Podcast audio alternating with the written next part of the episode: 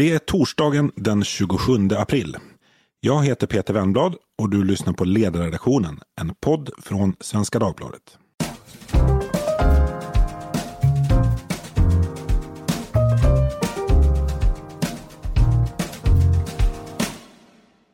Idag så ska vi träffa en av Sveriges kanske viktigaste byråkrater. Eller han var åtminstone det tills han sa upp sig i höstas. Han heter Gustav Boetius och han arbetade på Energimyndigheten i tre och ett halvt år. Där var han Sveriges så kallade gassamordnare. Vi ska komma in mer på det senare vad det innebär. Men han sa upp sig för att han tyckte att myndighetsledningen dolde sanningen om Sveriges dåliga krisberedskap kring naturgas. Eh, en skandal kallar han det faktiskt själv i den väldigt kritiska bok som han har skrivit under vintern efter sin uppsägning eh, om sina år på Energimyndigheten. Boken heter Ledningen och släpptes igår. Gustav finns med mig här i podden för att berätta mer. Välkommen Gustav! Tack! Du, vi börjar kort. Eh, du jobbade på Energimyndigheten som Sveriges gassamordnare. Vad betyder det? Mm, det kan väl förtydligas några punkter om det. Tekniskt sett stod det handläggare på mitt visitkort. Så jag var handläggare på enheten för trygg eh, energiförsörjning. Eh, det första året jag arbetade på Energimyndigheten, det var, alltså jag började våren eh, januari 2019. Då hade jag ett ganska brett ansvarsområde kan man säga. Jag bevakade dels gasfrågan från ett internationellt perspektiv. Men jag gjorde även vissa arbetsinsatser på oljefrågan. Så det var inte enbart med gas i början, det var även eh, internationella oljefrågor. Eh, men sen kom året eh, 2020 och då kan man säga att min roll då blev helt fokuserad på gas. Ehm, titeln gassamordnare fanns aldrig tekniskt sett under min tid. Jag väljer att skriva det ändå för att förtydliga den roll jag hade. Eh, när vi arbetade med den här frågan så var vi alltså i praktiken två, två och en halv person. Det här varierade ju under den tid jag var där. Eh, men man kan säga att jag, jag höll i i princip alla trådar. Och den, den här samordningen, förstår jag det rätt som att det handlar om att du liksom internationellt samordnar så att säga, vad gör Sverige och omkringliggande länder om det blir problem med naturgasleveranserna? Ja, det Sverige får göra när trycket i vår ledning sjunker, det föreskrivs i en EU-förordning som dels eh, har ett arbete på ett internationell nivå och som har konsekvenser på den nationella nivån. På den internationella nivån så eh, pågår det exempelvis eh, vissa förhandlingar inom EU eh, på, på, inom olika eh, perioder. Eh, och det pågår även bilateralt arbete med Danmark, ett förhandlingsarbete där. Så det är den internationella komponenten. Den nationella komponenten är att skriva och eh, kalibrera en nationell krisplan för Sveriges ehm, eh, naturgasförsörjning som den heter. Och den krisplanen är liksom den officiella manualen för hur man får agera i ett läge när Sveriges gastryck sjunker. Så där har du i, i huvudsak eh, det. Dessutom tillkom ett, en, en tillsynsroll där Energimyndigheten formellt granskar att de aktörer som träffas av det här regelverket i Sverige har en förmåga att agera utifrån det. Men vi, vi, vi, backar, tillbaka, vi backar tillbaka ett steg här. Eh, försörjningsberedskap för naturgas. Alltså, Sverige är ju inte beroende av natur, naturgas. Det är det man brukar höra i alla fall. Men hur ligger det till egentligen? Ja, det här var ju gängse uppfattning. Och det som har sagts om naturgasfrågan under i princip alla år eh, och, och, det som, som har sagts fram tills mycket nyligen det är att det här är en mycket liten del av Sveriges energimix. Det här regelverket som jag beskrev träffar ju bara lite mer än hälften av Sveriges naturgasvolym, alltså den, den, den ledningsbundna delen. Vi har off-grid-gas i Sverige som produceras bland annat i Stockholm och på andra orter och, och som importeras. Det rör sig inte av det här regelverket. Men det här var ungefär 2% historiskt av Sveriges energimix. Så ja, när det kommer till volymer är det givetvis litet. Men det man hade missat att göra under alla år var att inventera exakt vad Sverige gör med den här gasströmmen som kommer in i riket. Det här var ju aldrig ett folkbränsle, utan det här var eh, bränsle och i, i de flesta fall alltså råvara för tung och eh, mycket viktig industri i Sverige. Hey, I'm Ryan Reynolds. Recently, I asked Mint Mobile's legal team if big wireless companies are allowed to raise prices due to inflation. They said yes. And then when I asked if raising prices technically violates those onerous two-year contracts, they said, "What the f*** are you talking about? You insane Hollywood ass." So to recap, we're cutting the price of Mint Unlimited from $30 a month to just $15 a month. Give it a try at mintmobile.com slash switch. $45 upfront for three months plus taxes and fees. Promo for new customers for limited time. Unlimited more than 40 gigabytes per month. Slows. Full terms at mintmobile.com.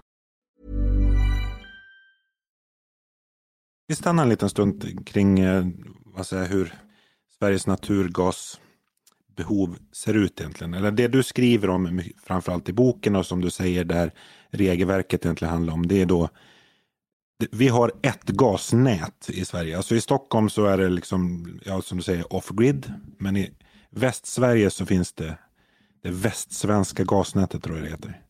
Och det ja. är alltså en, en gasledning som går, börjar i Trelleborg och slutar i Stenungsund. Va? Och så är det lite avstickare åt olika håll och kanter. Exakt. Och, och den här gasen kommer från Danmark allting kommer via ett rör. Exakt, allting kommer via Danmark. Det, det vi just beskrev nu, det här um, det västsvenska naturgasnätet, det är den enda delen av den svenska gasmarknaden som är fysiskt sammanlänkad med det europeiska gasnätet. Uh. Det europeiska gasnätet är en enorm infrastruktur som sträcker sig liksom från Portugal ända upp till norra Sibirien. Det är mer än en kontinent. Och det här är vi en del av. Stockholm är ett intressant undantag. Vi är den enda eh, större europeiska huvudstaden som inte är sammanlänkad med det här systemet. Mm. Men Göteborg och Malmö är det.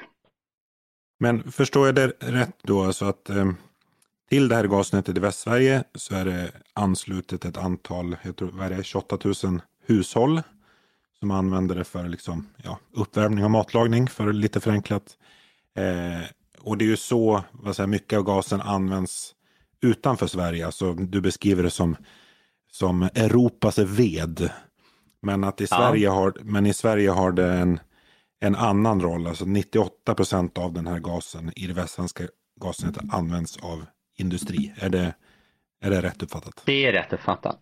Så det ligger till så här. Totalt finns det ungefär 30 000 enskilda uttagspunkter längs det västsvenska naturgasnätet.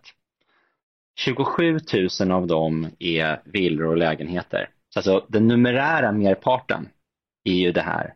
Men till volymen så är det här 2 ungefär då av den gas som kommer in där. Det här är 8 terawattimmar om året, knappt en, en BCM då, miljard kubikmeter.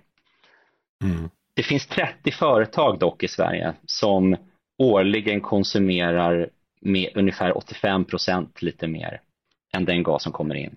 30 bolag. Detta innebär att det västsvenska naturgasnätet i sak är ett industriprojekt. Det här är Men, inte... Vad, vad, vad, an, vad, använder de den till? Varför använder de det? det... Ja, alltså metan för det är det det, det handlar om. Ja, det finns en debatt i Sverige om det här biogas, fossilgas och så vidare. Jag föredrar att använda ordet metan. Och metan kan användas på ungefär fyra sätt om man, om man hårdrar det. Det första sättet är som ett, ett straightforward bränsle som du, du bränner i någon form av motor, till exempel i en förbränningsmotor i en buss eller i en, ett större eh, eh kraftvärmeverk i en panna. Alltså du använder värmen i det här för att alstra energi. Okay? Det är det första sättet. Det andra sätt, de andra två sätten är som en form av råvara. Metan består av två sorters atomer, det är en kolatom eller fyra eh, väteatomer. Vi har kunder i det västsvenska gasnätet som vill kunna producera mycket vätgas av olika skäl. Att producera stora mängder vätgas från metan är lätt. Det här är en väl beprövad teknologi och det är det de företagen gör. De använder naturgasen som en råvara för att producera vätgas. Sen finns det en annan industrikategori som använder eh, naturgasen för att producera, de, de vill ha kolatomen. Och i de flesta fallen då så, så producerar de kolmonoxid som är liksom den första legobiten i en syntetisk kemiprocess. Och så har de fina fabriker så, så gör de, bygger de på processen så, så kan de skräddarsy molekyler på det sättet. Det här är mycket häftigt. Och sen den fjärde kategorin, det, det här rör sig om stora ugnar med en perfekt reducerande atmosfär. Och vad betyder det? Det här är ugnar som dels använder metan som ett bränsle som håller ugnen mycket varm, typ 900 grader Celsius är, en typisk eh, temperaturnivå för en sån här ugn. Men dessutom så behöver de här ugnarna kunna plocka bort allt syre. Det här är kemiska eller metallurgiska processer där producenten inte kan tolerera en enda syreatom i det. Och den effekten är mycket svår att skapa. Och eh, här är metan det som kallas för BAT, Best Available Technology. Det är mycket lätt att, det, det är lättast att åstadkomma den här effekten med gas. Gas är ett fascinerande bränsle på många sätt men, men en eh, egenskap som metan har som jag vill särskilt lyfta fram i, i början av, av boken då, det är att eh, det här är ett partikelfritt bränsle. När du bränner metan så får du egentligen bara tre saker. Du får värme, du får vatten och du får koldioxid. Det här är mycket intressant för eh, många industrier. Ett exempel är bagare. Om du vill kunna baka bröd vill du inte ha massa sot på brödet. Det är inte, det är inte gott att äta sot. Därför kör in bröden i en metanugn eh, som, som då eh, har helt eh, fantastiska egenskaper så du kan baka i princip det är mycket gott bröd i. Mm. Det är i och för sig ganska gott med lite svart skorpa på ett surdegsbröd, men det, men det är ja. en annan fråga. Eh, men du, vi ska gå till det som vad ska kärnan i din bok. Eh, du menar att Sverige under lång tid har befunnit sig i en gaskris, men utan att veta om det. Eh, och att vi inte har vetat om det, det beror på att den myndighet som du jobbade på, Energimyndigheten, hade låtit bli att göra sitt jobb. Och dessutom inte, när den gjorde sitt jobb så lät den bli att berätta hur det faktiskt låg till för, för regering och riksdag. Vi kan börja med det första. Eh, det här med hur, hur skulle du beskriva den här okända gaskrisen som du nu vill göra känd? Ja, det här tog ju en bok att beskriva. Så det är svårt att hitta ett, ett adjektiv eller ett verb liksom för att summera den här situationen. Man får se det här som en process genom åren. Vi kan mm. börja i, på 80-talet när den här ledningen först byggdes. Då måste man anses ha gjort ett ganska seriöst arbete med eh, ett, ett beredskapsarbete då kring den här ledningen. Man, man byggde den och hade en dialog om vilka eh, kriterier eller vilka mm, eh, ja, men vilka försörjningstrygghetskriterier man, man, man, skulle ha i det här gassystemet då som man höll på att bygga i Sverige tills man var nöjd. Och man, man konstaterade att ja, men Sverige behöver åtminstone två införsel eh, in, in, eh, två ledningar in i landet. Siffran två ansågs vara det, det lägsta accepterade minimum då. Men mm. man konstaterade också på 80-talet att de industrier som anslöt sig till gasnätet då hade redundans. De här industrierna fanns redan på plats och vid det här tillfället så hade man använt olja eller kol i regel då för sina processer. Mm. Mm. Detta innebär att när röret byggdes så hade i princip alla kunder redan eh, redundans. De här gamla oljepannorna stod först, fortfarande på backen och man visste att om Sverige då skulle få ett gasavbrott eh, så, så skulle det här inte innebära särskilt mycket för exempelvis sockerbruket hade sitt kollager, man kunde gå till, falla tillbaka på det. Mm. Så på 80-talet var man nöjd. Mm. Men systembygget kom aldrig igång i Sverige. Det stötte på patrull på, på olika sätt. Det var lokalt motstånd mot att bygga eh, gaslager. Man fick motstånd för, för en, en vidarebyggning från Gislaved upp genom eh, vad blir det, Skaraborg och, och till, till, ehm, eh, till Stockholm. Mm. Och liksom, det, det, processen liksom frös i det här som vi har idag. Ett enskilt rör utan lagring och utan enskild produktion. Eh, för, en,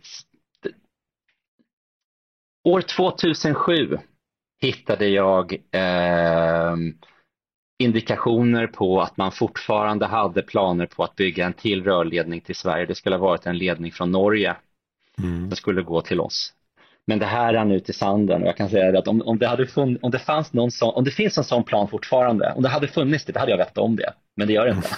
Nej. ja. men så, okay. så, men den, så den situationen som vi har nu och som är vad ska säga, grundproblemet här, det är att vi har ett rör med en eh, tillförselväg, en, ett rör som går på havsbotten mellan Dragör och Malmö tror jag. Ja. Eh, det finns inga, alltså den normala, tittar du i resten av Europa, eh, där har man liksom stora, alltså där har man flera tillförselvägar, man har stora gaslager som man liksom kan använda sig av om, om eh, någonting går fel. Men det finns inte i Sverige. Nej, jag är ganska kategorisk när jag skriver att Sverige har ingen lagring. Och den här kan man tolka på två sätt. Um, har Sverige tekniskt sett ett, en lagringsanläggning som kan lagra metan? Där är svaret ja. Det finns. Mm.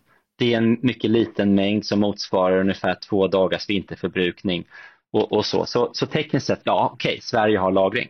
Men kan den här lagringen liksom hjälpa oss i en, i en i, i en haverisituation? Kan den trycksätta systemet när, när, när, när, när trycket från Danmark har fallit? Där är svaret nej. Mm. Ett, en, en lagringsanläggning för gas ska kunna uppfylla två saker. Dels ska den kunna innehålla mycket gas och det gör inte vårt lager och dessutom ska det kunna trycksätta systemet och det kan mm. inte vårt lager heller. Så jag menar med bestämdhet att Sverige inte har lagring på den här gasen. Det vi byggde var ett just-in-time leveranssystem för ledningsbunden metan. Mm. Mm. Okej, okay, men, men det är då det, det ena eh, och det, det måste det väl ändå ha funnits någon slags eh, kännedom. Alltså det framgår ju nästan bara av att titta på en översiktsbild av, av nätet. Absolut. Men, men det, du, det du menar, det, när du börjar på Energimyndigheten så konstaterar du att Energimyndigheten liksom in, egentligen inte vet vad mm. de här industrierna använder gasen till. Så här var det. När jag kom till Energimyndigheten så fanns det en, eh, en analys som jag tror var, den var väl skriven 2013 eh, men publicerades 2014. Och den hette den samhällsekonomiska kostnaden av ett tillfälligt avbrott i Sveriges naturgasleveranser. Okay? Mm. I den skrivelsen så sa man att om Sverige fick en månads gasavbrott så skulle det här kosta eh, det, det, skulle, det skulle skapa en ekonomisk skada om 2 miljarder kronor i månaden. Mm. Det är inte inget. Men det, den här rapporten tittade bara på den här frågan som en ekonomisk eh, förlust för Sverige. Mm. Och man dimensionerade kan man säga beredskapsarbetet utifrån den siffran. Man, man, man tog den då eh, för, för, för givet. Mm. Problemet var att jag har nu varit i kontakt med eh, en, eh, ja, med de här författarna som, som, som gjorde den här rapporten då, mm. 2013, 2014. Och då var det så här att de ringde också runt till bolagen och de hade en konsultfirma som, som hjälpte dem att skriva det här. Så de gjorde sitt jobb. De analyserade frågan tekniskt sett korrekt. De gick igenom bolagsrapporterna och konstaterade att ja, en månads bortfall från den här med, med, med, eh, med avbruten ekonomisk aktivitet. Ja, tekniskt sett, rent matematiskt, så är det 2 miljarder kronor i månaden, det stämmer. Dessutom så fick de annan information jag vet inte exakt om man där fick reda på att Sveriges produktion av dricksvatten eh, är beroende av den här ledningen. Jag har inte kvitto på det. Men det jag vet är att de dessutom utöver den här ekonomiska analysen satt man med en lista på stora samhällskritiska värden som man också mm. visste skulle stryka med vid sånt här avbrott. Nästa steg är viktigt här. Man hade den här listan. Men då fick man från chefsnivå höra att nej, det här var inte vad den här analysen ska handla om. Vår order är att, är att analysera den ekonomiska kostnaden enbart. Så den informationen makulerades där. Den fanns på Energimyndigheten där och då i, i, i början av 2010-talet, men man förstörde den.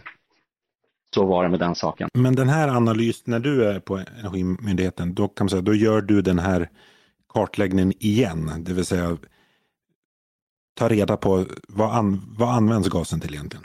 Precis, jag uppfinner hjulet igen. Eh, så jag arbetar... Jag, jag, jag, vet, jag, vet, att du kan berätta väldigt länge om, eh, men vi ska försöka begränsa det. Så det, fin, det finns möjligheten att läsa boken om man vill ha hela storyn.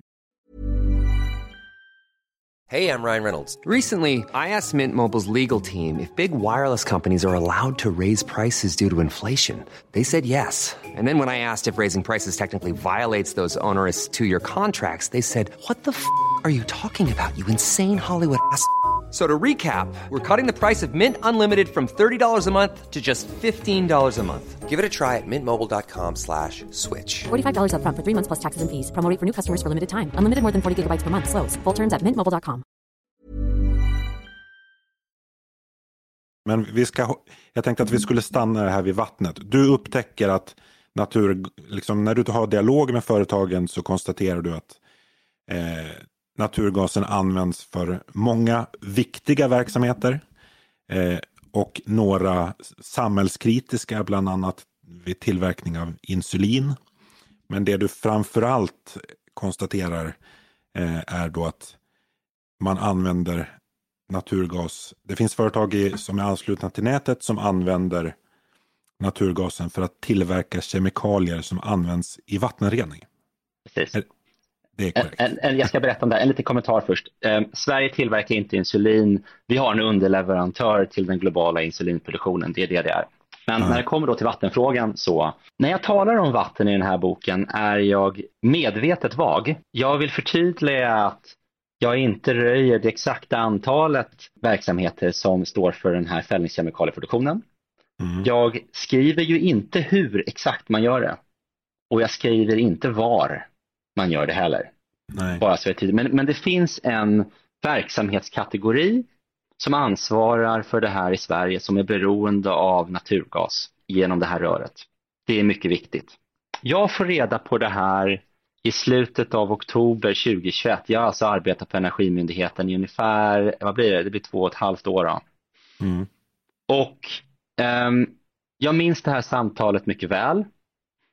Jag minns att jag fick ett adrenalinstick liksom i magen och att mm. det var svårt att lyssna. Det var svårt att andas och jag insåg att hur sjutton ska jag fixa det här nu? För det här var också i ett läge där vi var enormt oroliga för hur mycket gas vi skulle få. Det jag såg framför mig var å ena sidan en verksamhetskategori som behövde mycket metan för att kunna försörja Sverige och Danmark med vatten. Mm. Och å andra sidan såg jag en gaskris utvecklas i Europa. Nej, jag såg en gaskris utvecklas i Danmark då. då. Mm. Eh, och jag visste att den danska policyn när det kom till kritan var att stänga ner leveranserna till Sverige. Mm. Jag såg liksom den danska handeln närma sig mot en slags knapp där man stänger av Sverige och Danmarks vatten utan att man visste om det. Det var mycket skrämmande. Och det, den eh, vad säger, krisen som du ser komma hösten 2021, det beror på två saker. Alltså dels att det här är ju före krigsutbrottet, men Ryssland har redan säger, börjat laborera med Nord Stream. Och så är det dessutom att är Danmarks största naturgasfält är stängt för underhåll typ. Mm. Det var ett antal saker vi tittade på under hösten 21. Men främst tittade vi på de danska lagernivåerna.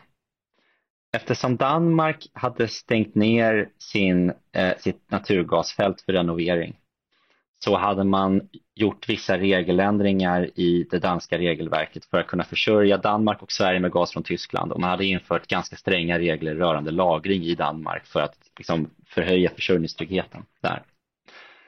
Och man hade en, en, en, en, en ehm, informationsnivå, eller en, en, en lagernivå då, som heter SSL, Safe Storage Level. Vintern 2019-2020 så hade man passerat SSL-gränsen med råge. Och vintern 2021 så flög man över den igen, så för två år hade det inte varit problem. Men hösten 21 så hade något börjat hända och gas var mycket dyrt i Europa och vi såg hur den faktiska lagernivån i Danmark liksom rörde sig och höll på att krocka med SSL-linjen. Mm. Och vi visste inte vad som skulle hända då. Det som, det, det som stod i de, i de danska dokumenten, det som bokstavligen står i regelverken till denna dag är att om det blir problem så stängs Sverige av. Det är mm. kontentan mm. av vad som står där. Eh, och vi såg problem. Vi såg en, en, en lagernivå som var på väg under det som Danmark sa var okej. Okay. Det var det vi såg på supply-sidan. På demand-sidan så såg jag vattenproduktionen. Och då slår jag en signal till mina danska kollegor och säger ja, jag måste komma över till er nu och snacka med er. Jag vill komma imorgon. Mm. Och då skrattar de lite och tycker att det är enormt roligt. Eh, men, men eh, så åker jag dit och så berättar de exakt för mig vad det är som håller på att hända och jag kan säga att min kunskapsnivå där om hur man hanterar en gaskris lyftes kanske med 120-150 procent från det samtalet så de är enormt kunniga. Men jag kom dit till dem och sa att Nej, men jag, jag ska inte snacka om gas mer utan jag ska snacka om något helt annat. Nu måste vi tala om vatten idag, det här är viktigt. Och jag sa till dem att eh, tyvärr så är det så att vi har en verksamhetskategori i vårt land som behöver mycket gas och eh, den producerar i sak vårt vatten. Och jag kan inte kontrollera hur mycket gas ni skickar till mig. Jag accepterar att det här är inte ett beslut som jag har rådighet över i mm. Sverige. Det är, det är bokstavligen det som Sverige har byggt. Sverige har byggt ett gassystem där man ger all makt över de till gasnätet slutna kunderna till byråkrater i Danmark. Mm. Att besluta om vi ska ha ekonomisk aktivitet eller inte. Det är det mm. vi bokstavligen har gjort. Mm. Men, sa jag, det är jag som beslutar från och med nu hur den här gasen fördelas. Den här antigasen ni skickat till mig, den här trycksänkan. Um, och till en början så ska jag hantera det här på schysst sätt. Men det, det, vi kommer att nå någon form av nivå någonstans där jag blir tvungen att stänga av ert vatten om det här fortsätter. Och från den dagen så hade vi en helt ny gasrelation med, mellan Sverige och Danmark och nu är den mycket bra. Men vi, vi stannar en liten stund till kring det här med, med vattnet. Vi ponerar att eh, gasen till Sverige stängs av. Eh, då liksom stannar en, en lång rad västsvenska industrier inom en ganska kort tid. Det vill säga, och bland annat då upphör tillverkningen av eh, de här fällningskemikalierna. Varför är det ett, ett problem? Alltså finns det inte lager? Alltså vi är en del av en globaliserad värld. Finns det, finns det inte alternativa införselvägar?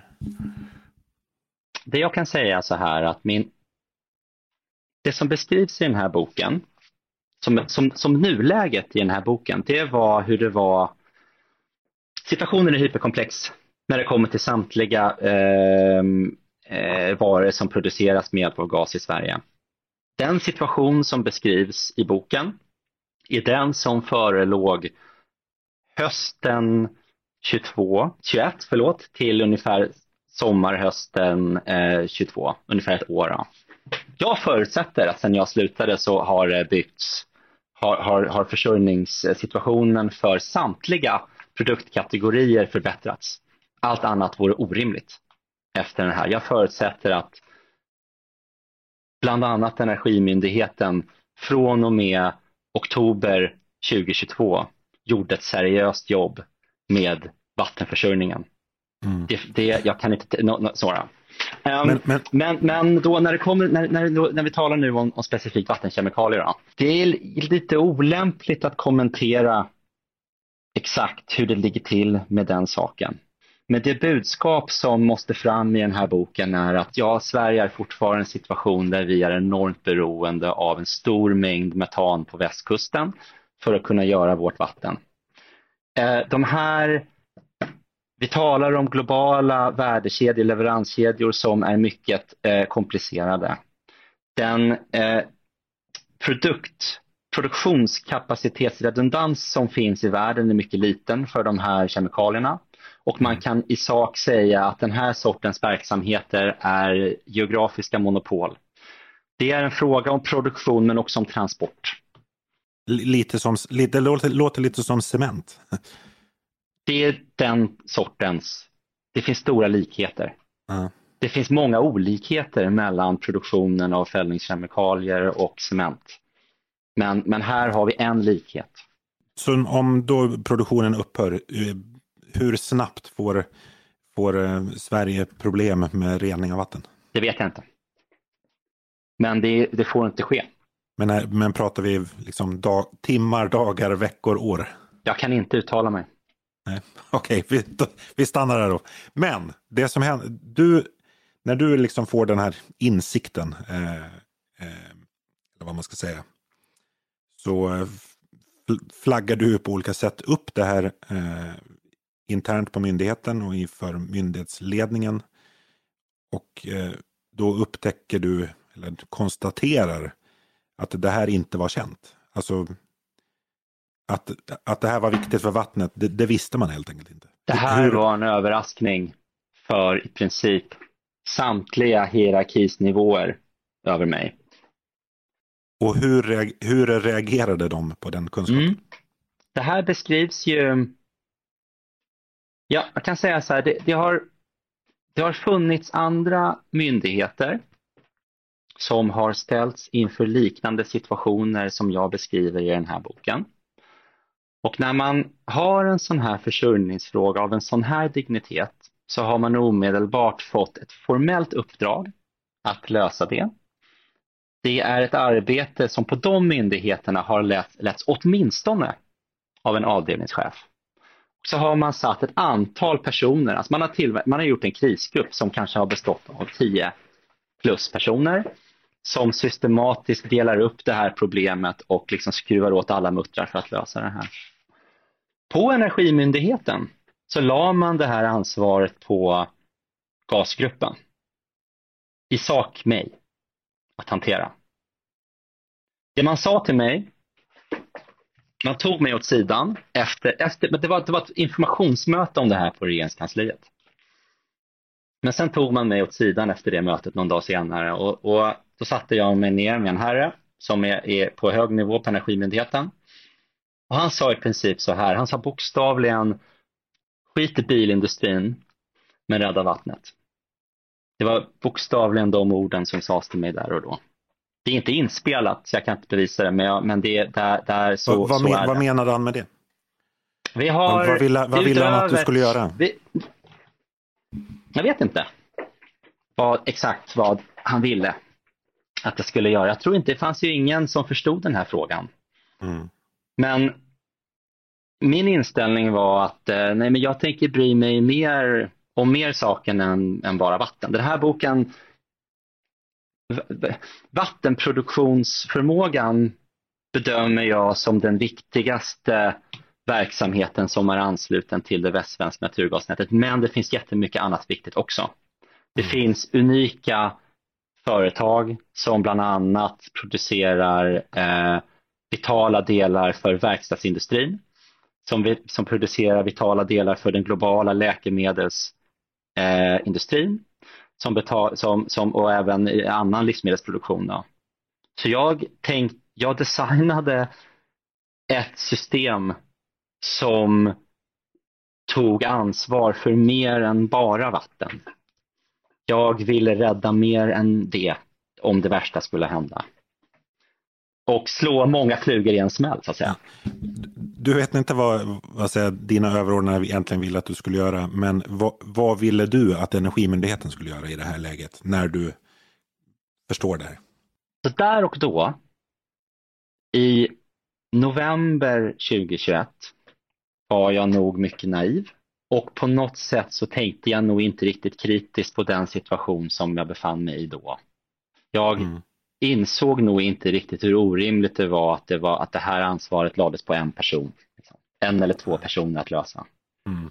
Det liksom blev tydligt för mig när jag arbetade med frågan hur stort det här egentligen var.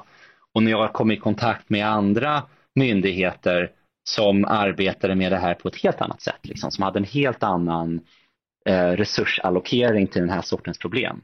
Jag insåg att det här inte var normalt. Det, mm. Den insikten infann sig ungefär fyra månader senare kanske. Mm. Mm. Eh, så att min, min inställning till det här arbetet eh, ändrades under tiden som, som jag arbetade med frågan. Eh, det som var enormt tråkigt att se. Det, det, det jag kunde åstadkomma var nollkostnadslösningar. Alltså som handläggare på Energimyndigheten, jag såg till att man kunde skriva om framförallt i den här nationella krisplanen, att, att i sak så tog Energimyndigheten mikrokontroll över gasflödena i Sverige och kunde använda delar av det svenska näringslivet som ett förhandlingskort mot europeiska partners för att få mer gas. Det här var mycket effektivt. Enormt effektivt faktiskt. För att våra industrier är unika.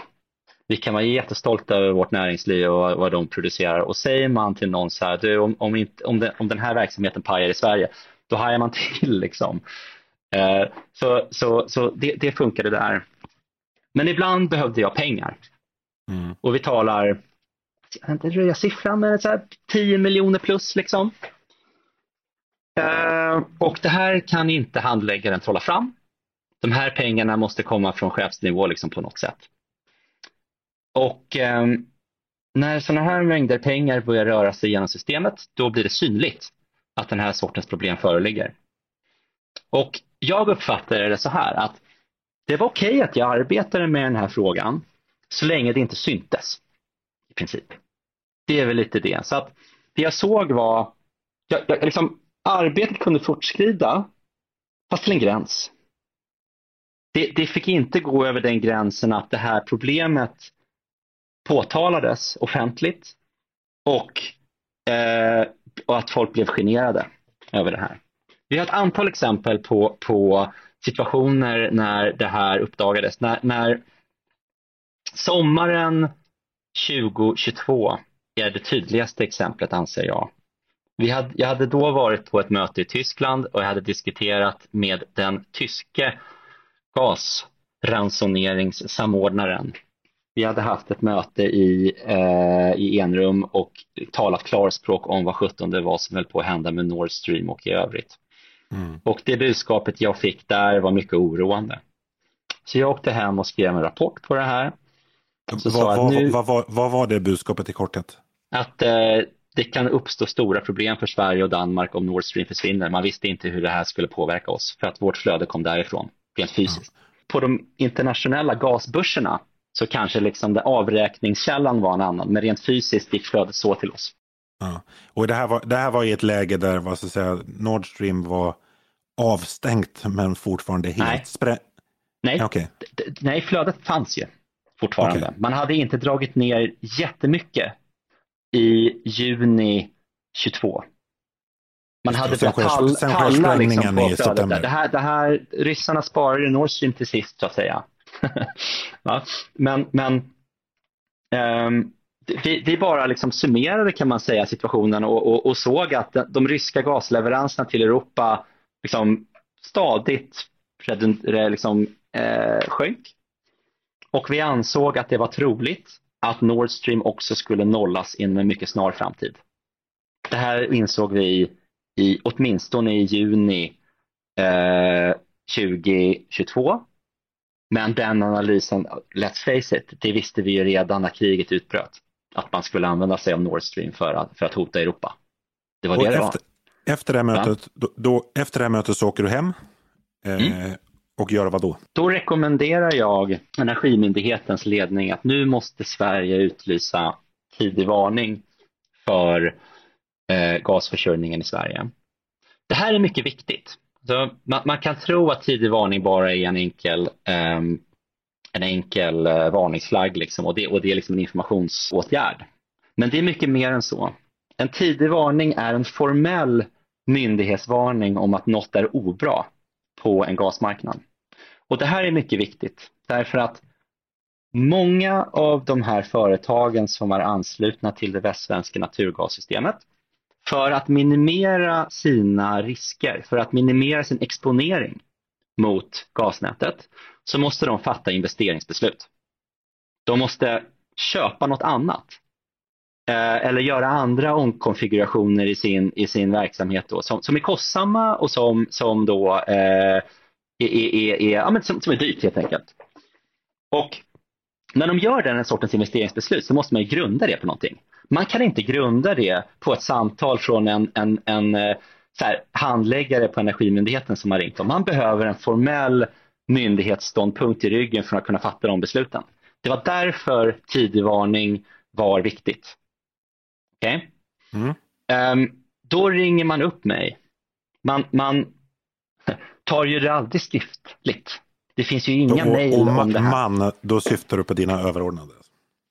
Jag syftar på personer på chefsnivå på Energimyndigheten. Man var mycket ovillig. Man mycket, jag upplever att man var mycket försiktig att inte lämna skriftliga spår i gasfrågan. Mm. Mm. Men man ringde upp mig och man sa bokstavligen att eh, att utlysa tidig varning för gas är ett regeringsomvälvande beslut som vi inte kan göra.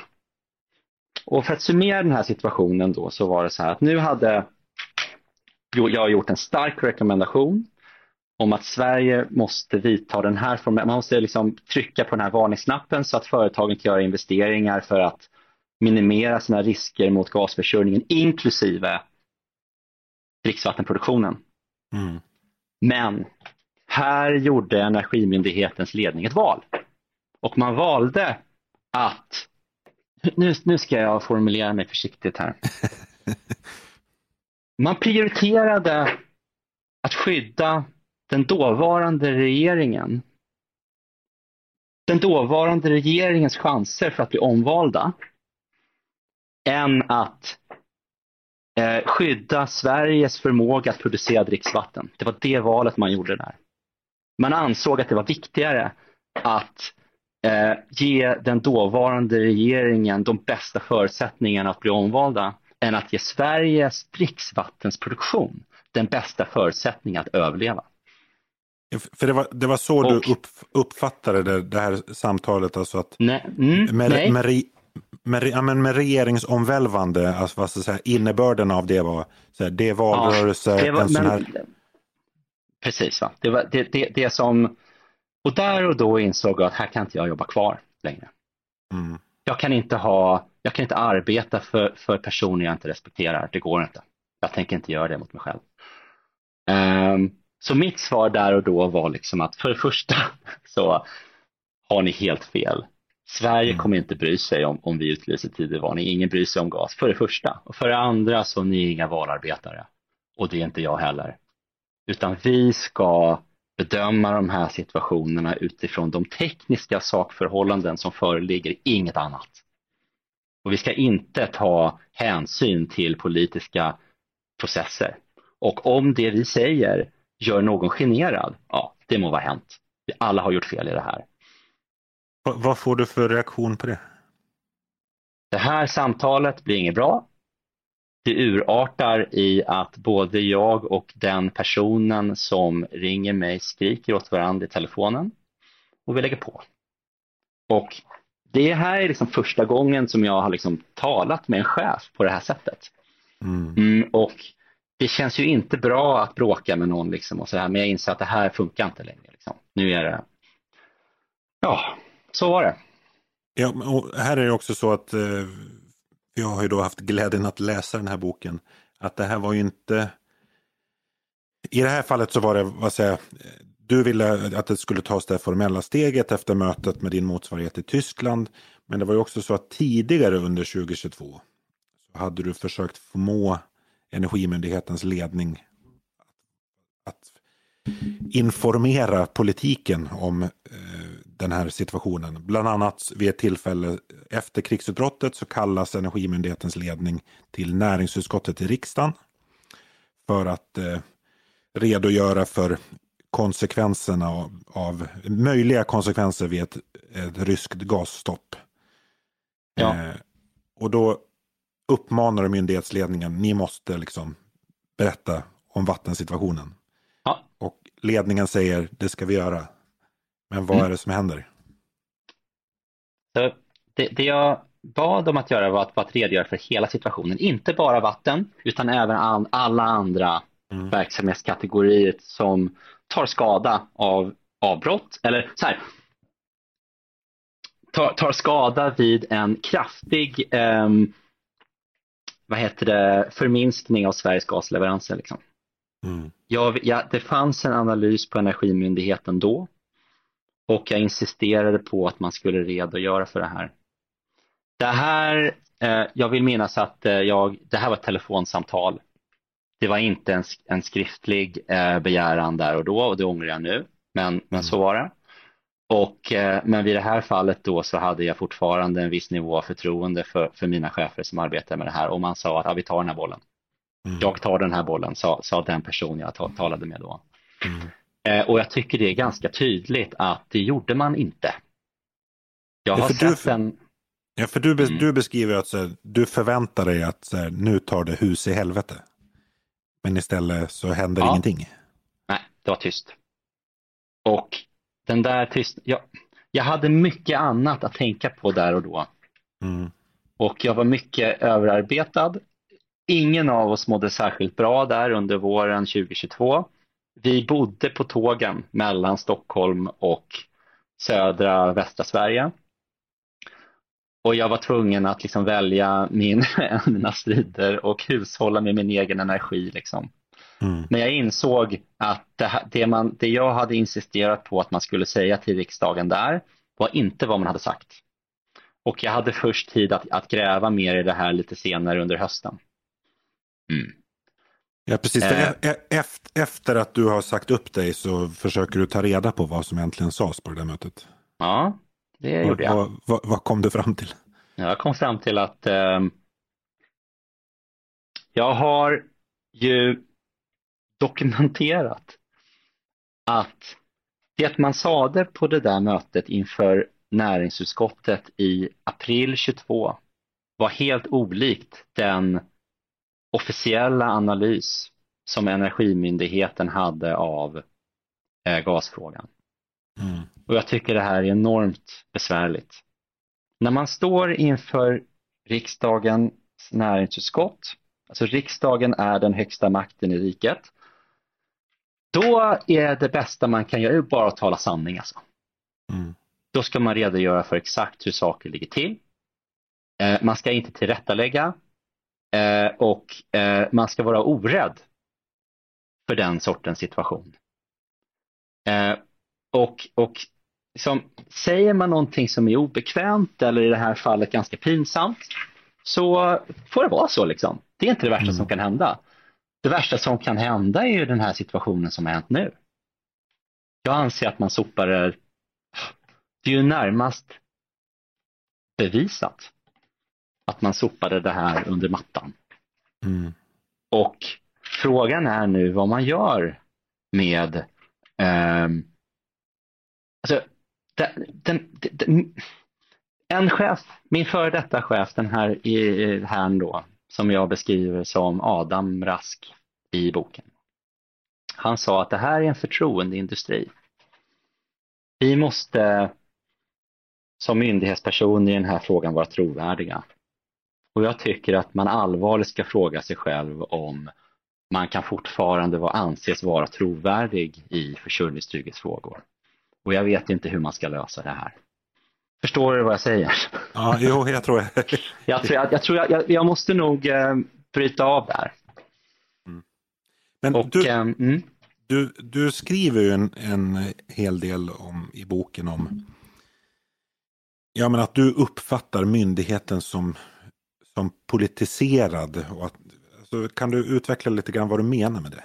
dels har jag ju redogjort för då när man står inför vägval att man väljer att gynna en politik över en sakfråga.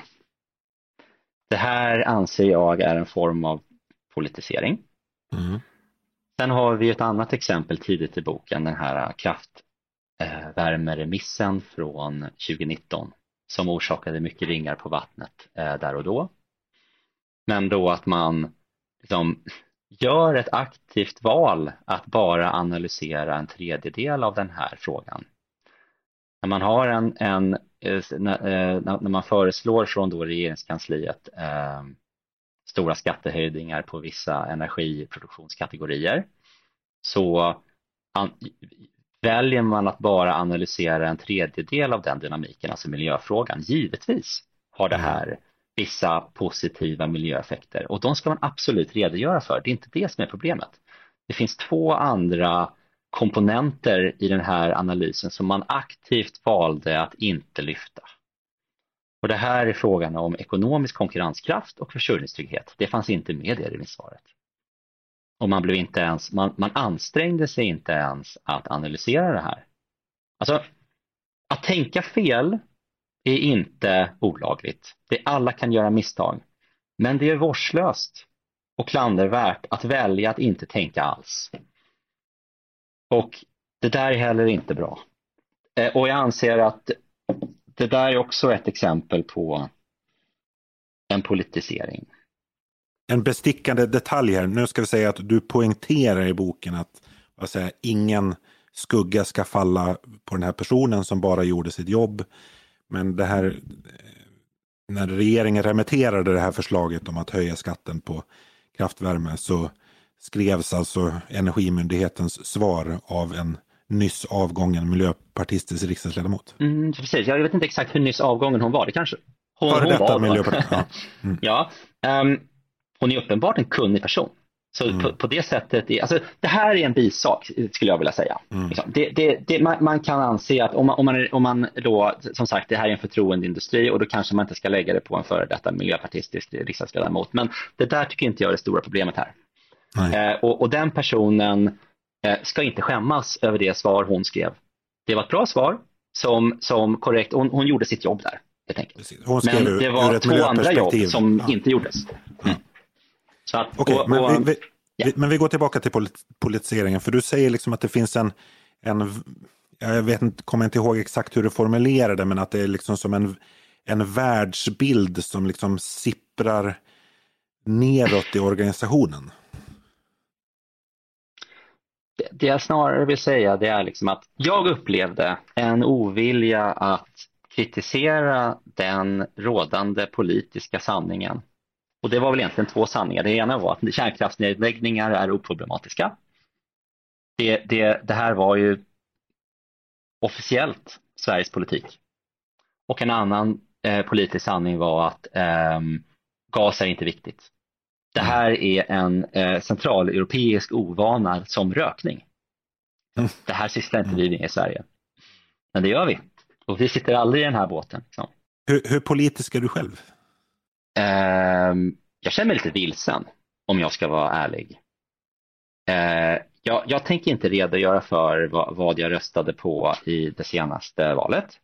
Jag övervägde att, att eh, av, eh, liksom skriva det i, i den här eh, boken. Men jag kan väl bara säga att jag, det, det partiet jag röstar på gör jag det inte på grund av energiskäl. Det finns mycket mer att bry sig om i det här Sverige än det. Mm. Men jag känner mig ganska liksom, eh, positionerad i mitten. Det jag tycker om med Sverige är blandningen av allt.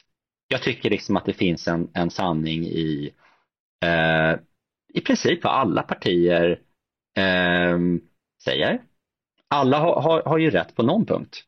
Och det jag gillar med Sverige är ju blandningen. Ja, Det, det ska vara borgerliga regeringar ibland som fokuserar på vissa frågor och sen ska det förnyas med en, med en, med en med socialdemokratisk, en, en vänsterregering. Och jag, jag tycker om liksom mixen.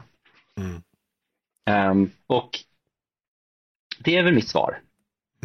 på det. Mm. Eh, jag, jag, tror att vi skulle kunna prata om det här jättelänge, eller jag vet att vi skulle kunna göra det därför att vi, vi eh, pratade ju ett antal timmar inför eh, publiceringen. Jag skrev en artikel om din bok i, här i, i veckan. Men vi ska börja röra oss mot, mot slutet. Men jag tänkte säga, nu publiceras din bok här i veckan. Jag skrev en artikel, Affärsvärlden hade en artikel. Så vad, vad har du fått för reaktioner?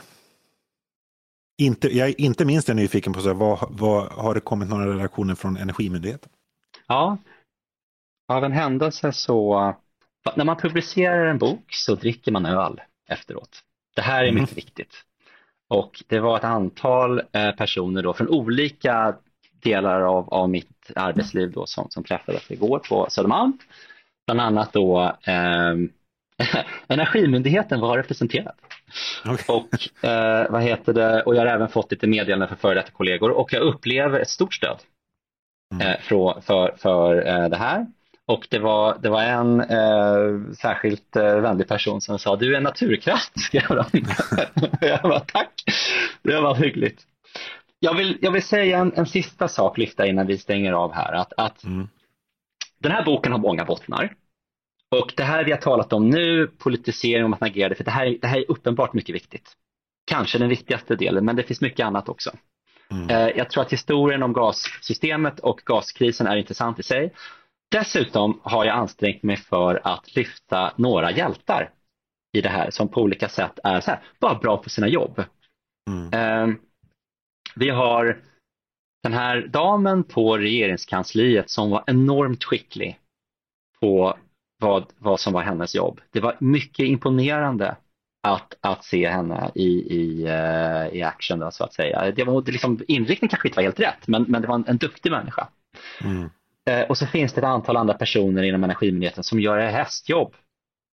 Uh, och och har, har jätteintressanta anekdoter för sig. Och, så att ja, jag vill inte att den här boken ska vara ett politiskt slagträ och ej heller ett, ett slagträ mot hela myndigheten därför att det här är inte en myndighet, det är typ 15 som är hopbuntade i det här.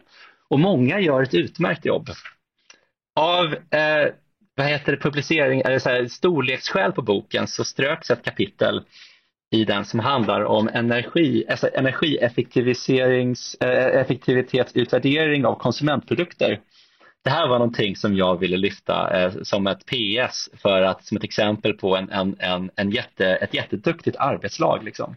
Mm. Och jag tänker nu publicera det kanske på, som, som blogg. Eller... Det finns människor som behöver skämmas. Men det finns också många människor som ska vara enormt stolta över det jobb de har gjort och gör och kommer göra mm. med de här frågorna. Du, du beskriver ju, eh, säga, fokus i boken är ju under 2021 fram till att du eh, säger upp dig i september 2022. Och då beskriver du det som att Sverige befinner sig i en säga, okänd gaskris. Gör vi det fortfarande?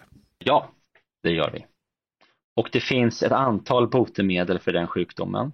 Men en jätteviktig sak nu som Sverige måste bygga inom de närmaste åren nu och vi måste börja nu med det här. Don't overthink it. Vi måste ha metanproduktion på vår mark och i sak blir detta biogas.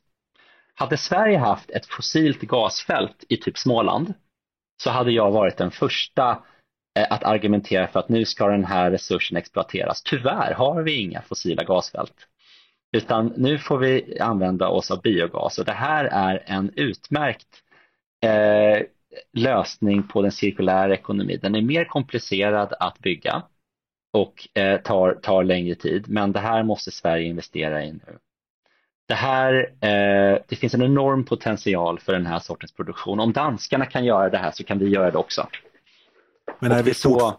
är vi fortfarande i ett läge där om, ja, men det, det har ju varit mycket diskussioner bara de senaste veckorna apropå de här ryska fartygen som seglar omkring i nordiska vatten eh, och kartlägger eh, infrastruktur. Säg att vi, den här rörledningen mellan Dragör och Malmö skulle bli saboterad och gasen försvinner. Kommer det att utlösa en svensk vattenkris fortfarande? Är vi fortfarande där? Ja, det är inget bra. Men är, blir det en, en vattenkris? Det här är en fråga som delvis är olämplig att ge ett tydligt svar på. Mm. Och det är också en fråga där jag numera inte har en komplett bild.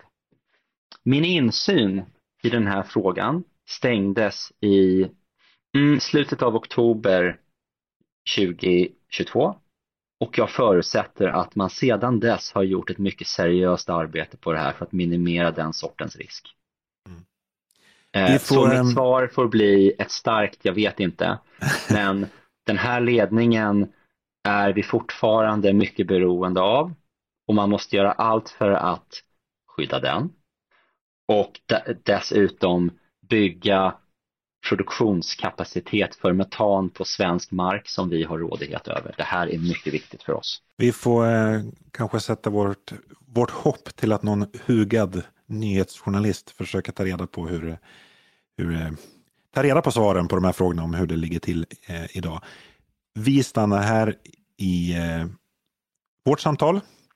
Eh, du ska ha stort tack för att du kom hit Gustav till SVDs ledarpodd. Och tack också till er som har lyssnat. Hör som vanligt gärna av er till oss på ledarsidan svd.se med kommentarer, frågor och förslag på framtida ämnen. Vi läser, svarar inte alltid, men eh, läser allt och era synpunkter och idéer är mycket viktiga för oss. Producent idag var som vanligt Jesper Sandström. På återseende.